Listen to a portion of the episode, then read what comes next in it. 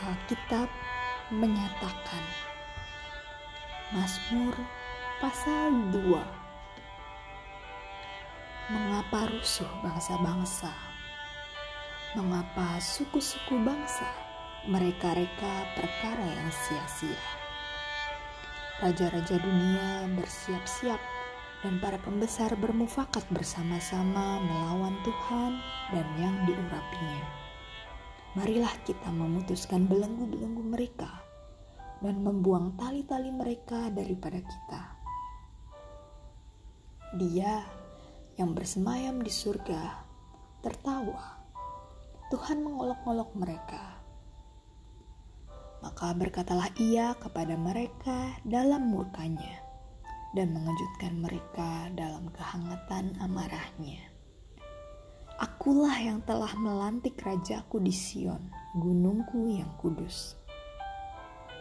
Aku mau menceritakan tentang ketetapan Tuhan. Ia berkata kepadaku, Anakku engkau, engkau telah kuperanakan pada hari ini.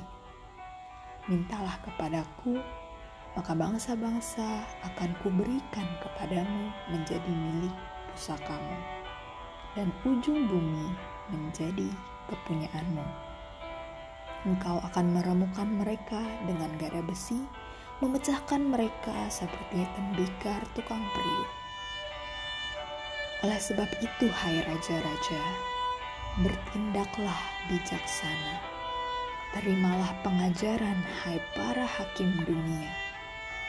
Beribadahlah kepada Tuhan dengan takut, dan ciumlah kakinya dengan gemetar supaya ia jangan murka dan kamu binasa di jalan, sebab mudah sekali murkanya menyala.